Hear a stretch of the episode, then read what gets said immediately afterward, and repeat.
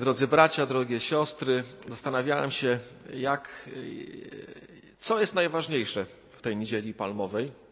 Myślę, że każdy z kaznodziejów y, ma kilka takich tematów, którymi się y, zajmuje na tą niedzielę palmową i też się zastanawiałem nad tym, co dla nas jest najważniejsze do usłyszenia w tym tygodniu, w tym tygodniu szczególnie, takim wyjątkowym tygodniu, tygodniu, kiedy doświadczamy tak wiele można powiedzieć, takich e, nowych dla nas okoliczności naszego życia i niepokoju w związku, w związku z tym. I pomyślałem sobie, że chyba najważniejszym takim e, tym, na czym chciałbym zogniskować naszą uwagę, jest nasz Pan Jezus Chrystus.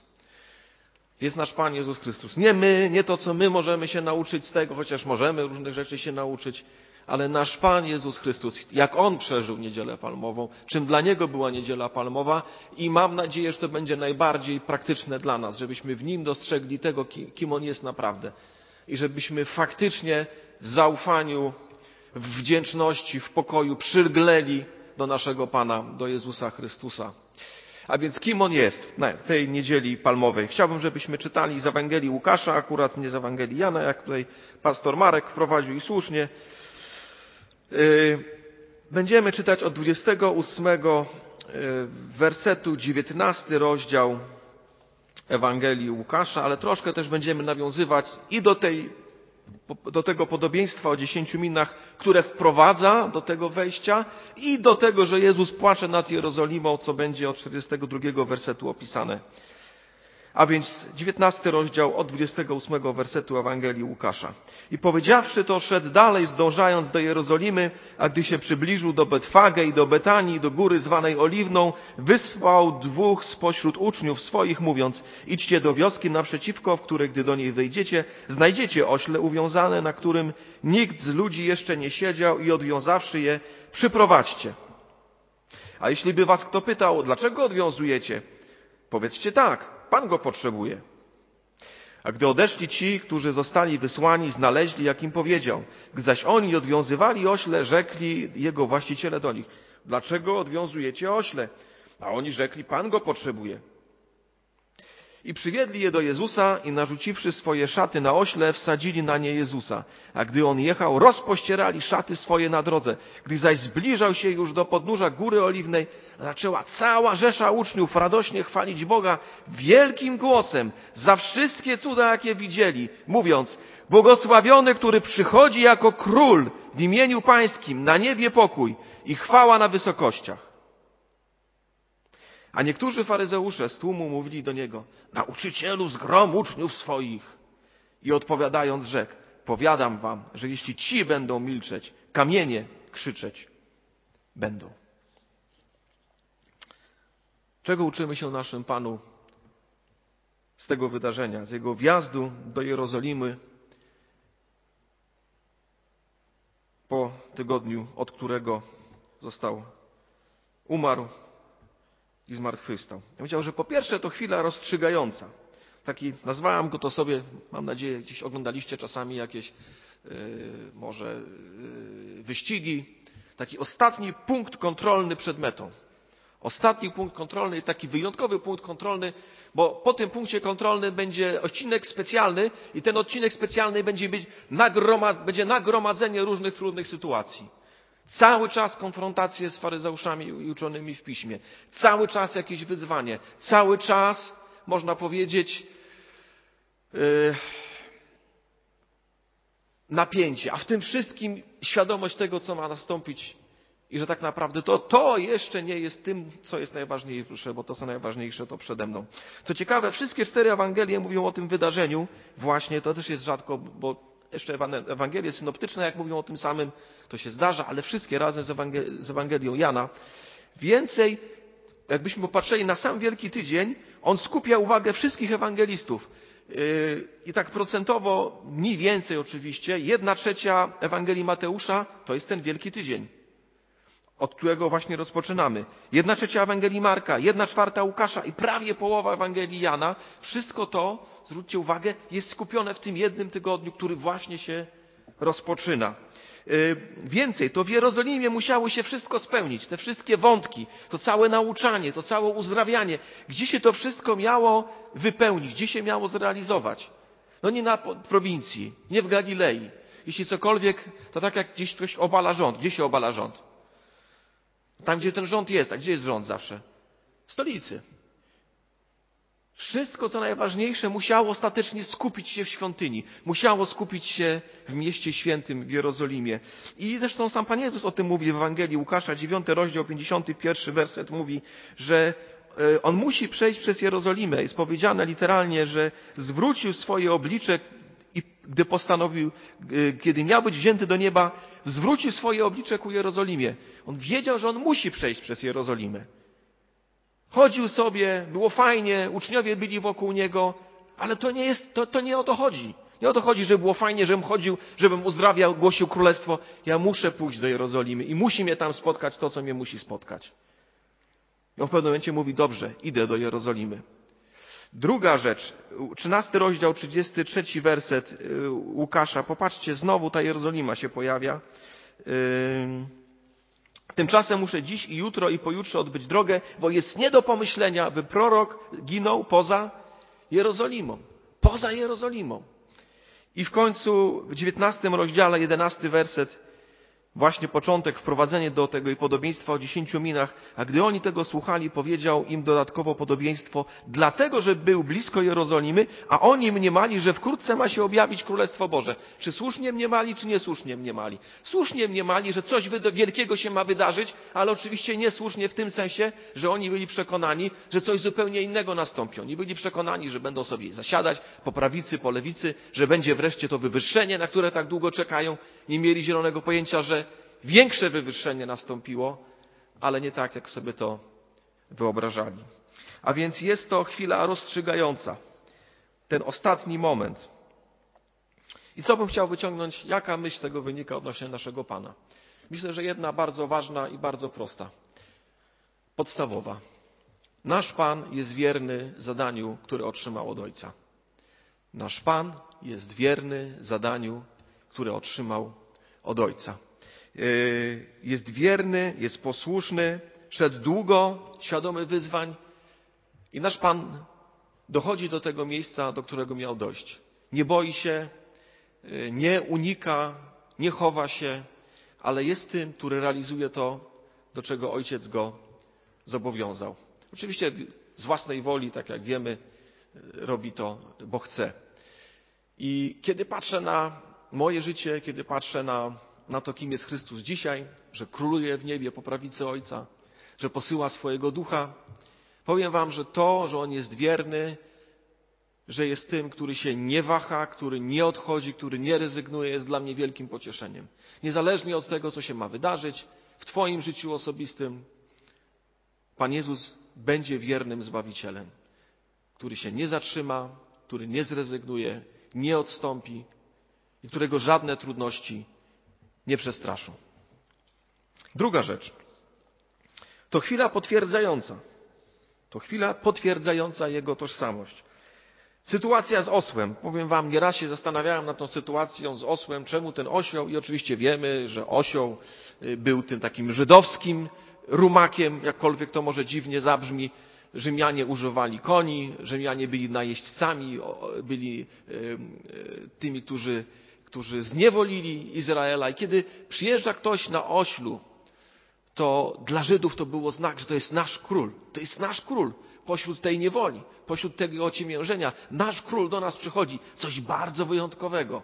Oczywiście była kwestia związana z spełnieniem proroctw, o czym nam mówi Ewangelia Mateusza, jak zawsze Mateusz nam pokazuje, a to się stało, aby się spełniło to, co się miało spełnić, a więc była realizacja proroctw, był król żydowski, który pośrodku tej całej opresji przychodzi do nich i, yy, i właśnie, no, o co chodzi z tym, z tym osłem? Ja bym powiedział najprościej. On pokazuje swój autorytet. to trzeba mieć autorytet, żeby zarekwirować dzisiaj samochód. Nie wiem, czy oglądaliście kiedyś jakieś takie policyjne yy, jakieś seriale, tam bardzo często tak jest, że jak się goni jakiegoś ważnego yy, złoczyńcę, to policjant wychodzi i mówi, ja tutaj jestem policjantem, potrzebuję pana samochód, albo potrzebuję pana rower, albo potrzebuję pana motor, cokolwiek tam akurat jechało. A tu jest coś bardzo podobnego. Pan go potrzebuje. I koniec. I koniec. Pan potrzebuje. Nie wiem do końca, jaka była reakcja, ale wiemy, że była pozytywna. Że rzeczywiście ten autorytet wybrzmiał w tych słowach i że Pan Jezus wjeżdża na tym ośle. E, druga rzecz, gdzie widzimy, że jest to słowo potwierdzające autorytet i tożsamość Pana Jezusa, no to oczywiście reakcja tłumów. Tłumy mówią, popatrzcie, wyobraźcie sobie te tłumy, które były przyzwyczajone do tego, że były ciemiężone przez Rzymian. I oni tutaj mówią, błogosławiony, który przychodzi jako król w imieniu Pańskim. Nasz król. Coś się będzie działo. No nie może się nie dziać. Słuchajcie, to wyglądało trochę jak taki początek jakiejś rewolucji, powiedzmy sobie uczciwie. To tak wyglądało. Taki najbardziej polityczny moment, można powiedzieć. Bo on naprawdę wjeżdża jako król. On naprawdę wjeżdża jako król. Nie chcę rozstrzygać tego, bo mam dzisiaj krótkie kazanie, ale bardzo wyjątkowy moment. I oczywiście faryzeusze, którzy mówią, to nieprawda, nie pozwól im na to. A Jezus mówi, to prawda. Gdyby oni nie mówili, to kamienie krzyczeć będą. Kim jest nasz Pan? Nasz Pan jest prawdziwym królem. Siedzi po prawicy Ojca. Nasz Pan jest tym, o którym, o, których, którego zapowiadali prorocy. Nasz Pan jest tym, który nie wzbraniał się kiedy ten moment chwały nastąpił. Nie wzbraniał się, nie mówił, nie trzeba. Nie. On faktycznie jest królem, on faktycznie jest panem, on faktycznie jest realizacją obietnic Starego Przymierza. On faktycznie jest tym zapowiadanym, wyjątkowym, szczególnym, chwalebnym, potężnym, ale i miłosiernym, i łaskawym, i dobrym królem od Boga na wieki. Po to stał się człowiekiem, po to wjechał do Jerozolimy i po to stało się to wszystko, co się stało. Po trzecie, to chwila dwuznaczności. I ta chwila dwuznaczności, myślę, jest widoczna w tym, że Jezus płacze nad Jerozolimą. Wydawałoby się, wszystko jest wyraźne. Wydawałoby się, no cóż mogło, wszyscy dobrze reagują. Ale Pan Jezus wie, co nastąpi. I dlatego w 41 wersecie mówi, gdy ujrzał miasto, zapłakał nad nim. A potem w 44 mówi, płacząc, mówi, E, zrównają cię z ziemią, dzieci twoje w murach wytępią, nie pozostawią z ciebie kamienia na kamieniu. Dlaczego? Dlatego, że Jerozolima nie poznała czasu nawiedzenia swego. Jerozolima, pomimo tego, że na samym początku zareagowali właściwie, trafnie, ta intuicja była trafna, okazało się, że przez ten tydzień tak wiele się wydarzyło, że ostatecznie Jerozolima nie rozpoznała Bożego działania. Nie rozpoznała, nie zareagowała tak, jak powinna i w związku z tym po 70 latach nastąpiło to, to, to wydarzenie, które tutaj, nad którym Pan Jezus już płacze. I już je zapowiada. Zburzenie świątyni, zburzenie Jerozolimy i wszystkie konsekwencje tego wydarzenia. A więc chwila dwuznaczna. Pomimo radości Jerozolima nie rozumie, co się dzieje i poniesie tego konsekwencje.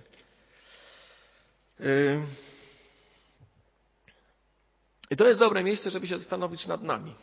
Taki werset, który mi przychodzi na pamięć, to jest Jeremiasza 17 rozdział 9 werset.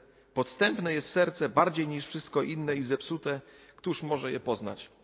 Taka nietrwałość, kruchość naszej radości, kruchość naszego uwielbienia, kruchość naszej stabilności, kruchość naszej wiary, niestałość,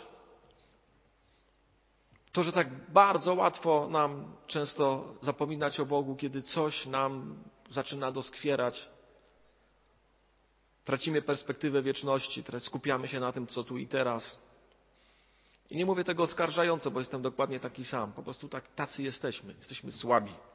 Jesteśmy słabi. Nasze serce nas zwodzi. Łatwo nas wytrącić z równowagi. Myślę sobie, że to jest bardzo przykre. Przykra obserwacja nas samych. Przykra, przykra obserwacja, kiedy ktoś, kto śpiewał Alleluja, chwała temu, który przychodzi w imieniu Pańskim, a potem być może był w tym samym tłumie, który krzyczał ukrzyżuj. To jest przykre, to jest smutne, że tacy jesteśmy. Chcielibyśmy być inni. Ja bym chciał być inny.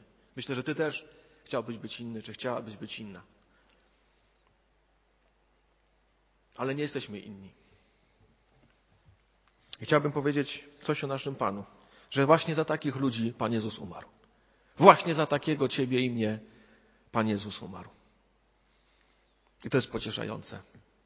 To jest budujące. I to jest czymś, co skłania mnie do uwielbienia, że Pan Jezus wiedział, za kogo umiera, wiedział, kogo wybiera, wiedział, kogo powołuje, wiedział, kogo usprawiedliwia. O Tobie też wiedział. Jeśli jesteś osobą wierzącą, o Tobie też wiedział. List do Rzymian, piąty rozdział, ósmy werset mówi, że kiedy jeszcze byliśmy grzesznikami, Chrystus za nas umarł. Chrystus wiedział, za kogo umiera. Oczywiście to nie koniec nas, oczywiście Duch Święty jest posłany, oczywiście zmieniamy się, ale zastanówmy się, na ile się zmieniamy, na ile jesteśmy stabilni, wierni. Obyśmy dobiegli do końca. Życzę wszystkim nam, żebyśmy dobiegli, wytrwali, Abyśmy mogli, tak jak apostoł Paweł powiedzieć, dobry bieg bojowałem, biegu dokonałem, wiarę zachowałem, a teraz oczekuję mi wieniec sprawiedliwości. Wszystkim tego życzę, sobie również. Ale pamiętajmy, że Chrystus umarł za kruchych, grzesznych, zepsutych, niestałych, niestabilnych ludzi. Za takich umierał, wiedział za kogo umiera. I to jest pocieszające. I to jest zachęta. Po czwarte, to chwila niespełniona niedokończona. Niespełniona i niedokończona. I chciałbym tutaj się odwołać do tego podobieństwa o dziesięciu minach, które również jest wprowadzeniem do tego wejścia do Jerozolimy. Przychodzą ci uczniowie, oni już myślą, że zaraz to Królestwo Boże się objawi. On zasiądzie na tronie, wykurzy tych Rzymian. Będzie dalej uzdrawiał, będzie fajnie. Coś się rozpocznie, super. A my koło Pana Jezusa będziemy. Super będzie, wspaniale. Już aż nie mogą się doczekać do tego wejścia. A jak już weszli razem z nimi, oni krzyczeli Hosanna synowi Dawidowemu, to myślę, że ach, to był ten moment dla nich. To był ten moment. Już pewnie nic do nich nie docierało. I dlatego zanim weszli, to się pojawia to podobieństwo o dziesięciu minach. I co w tym podobieństwie o dziesięciu minach mówi Pan Jezus? Mówi, słuchajcie, to tak nie będzie. Będę podobny do takiego człowieka, który musi udać się do Rzymu po koronę. Bo taki były, tak, takie ralia wtedy były, że trzeba było po koronę do cesarza pojechać. I mówi, będę jak taki pewien człowiek szlachetnego rogu, który udał się do dalekiego kraju, aby objąć królowanie, czyli wziąć tą koronę i wrócić. Nie będzie mnie. Nie będzie mnie. Wy będziecie, ale mnie nie będziecie. Mnie nie będzie. I na ten czas, kiedy mnie nie będzie, posłuchajcie, co wam mam do powiedzenia. Przywołał dziesięciu sług swoich, dał im dziesięć min, rzekł do nich, obracajcie nimi, aż powrócę. I to jest ten moment w historii. Dzisiaj jesteśmy w tym momencie. Dzisiaj jesteśmy w trzynastym wersecie. Jeszcze nie powrócił. Jeszcze nie powrócił. Króluje, ma tą koronę u ojca, ale jeszcze nie powrócił. A co się wydarzy, kiedy powróci? No jest powiedziane, co się wydarzy, kiedy powróci. Rozliczy nas. Czy obracałeś tą miną? Czy byłeś mi wierny? Czy służyłeś? I wiemy, że będzie e, dla tego niewierzącego świata to będzie bardzo nieprzyjemny moment. 27 werset. Tych nieprzyjaciół moich, którzy nie chcieliby ja królował nad nimi, przyprowadźcie tutaj i zabijcie ich na, na moich oczach. To jest pierwsza rzecz, o której należy powiedzieć. A druga, że jeśli ktoś faktycznie nie powierzał swojego życia Bogu, no to będzie jak z tym jednym pozornym sługą, który tak naprawdę może się nazywał sługą, ale to miną w ogóle, w ogóle nie obracał. Nie chcę wchodzić teraz w tą całą przypowieść, ale chcę Wam pokazać, że to jest ten moment, w którym ona została dana. Dlaczego ona została dana? Ja bym powiedział dlatego, że Pan Jezus widzi lepiej i dalej niż my. I mówi: skup się na wieczności. Skup się na wieczności. Myśl dalej. Teraz, tu, słuchajcie, nie ma Pana Jezusa pośród nas fizycznie. Nie ma. Musimy przez wiarę podążać. Przez wiarę podążać przez różne chwile. Łatwiejsze, wygodniejsze, trudniejsze. One wszystkie są po coś w naszym życiu. Ale musimy widzieć, że nasz Pan widzi lepiej i dalej. To była chwila niespełniona, niedokończona. To jeszcze nie ten czas. On dopiero powróci. On dopiero powróci i dopiero wtedy, kiedy powróci, okażemy się tym, kim się okażemy. A więc mamy przed sobą drogę. Mamy przed sobą drogę. Nasz Pan widzi lepiej i dalej. Patrzmy na Niego. Bierzmy sobie tą przypowieść do serca. To nie jest jeszcze czas zbiorów. To ciągle jest czas siania. I tak a propos dzisiaj, patrząc na ten czas, w którym jesteśmy, to też jest cały czas siania. Czas siania. Ten czas, kiedy może jesteśmy w domu, nie chcąc być. Ale mamy dostęp do internetu, większość z nas. To jest czas siania. To nie jest czas zbiorów. Obawiamy się, pewnie się obawiamy, ale to jest ciągle czas siania. To ciągle jeszcze nie jest czas zbiorów. To jest niedokończona historia. To jest historia z happy endem. To jest historia z dobrą metą. To jest historia, w której jesteśmy po stronie zwycięzcy. Nasz Pan zwyciężył, pomimo naszej kruchości, wie jacy jesteśmy, zna nas, a mimo to nas powołuje, a mimo to się do nas przyznaje, o czym zaraz będzie mówiła wieczerza pańska i stół pański. Ale musimy iść. Życzę nam, żeby ta palmowa niedziela była dla nas takim znakiem Bożej miłości, ale i również tego, że cel cały czas jeszcze jest przed nami. Amen.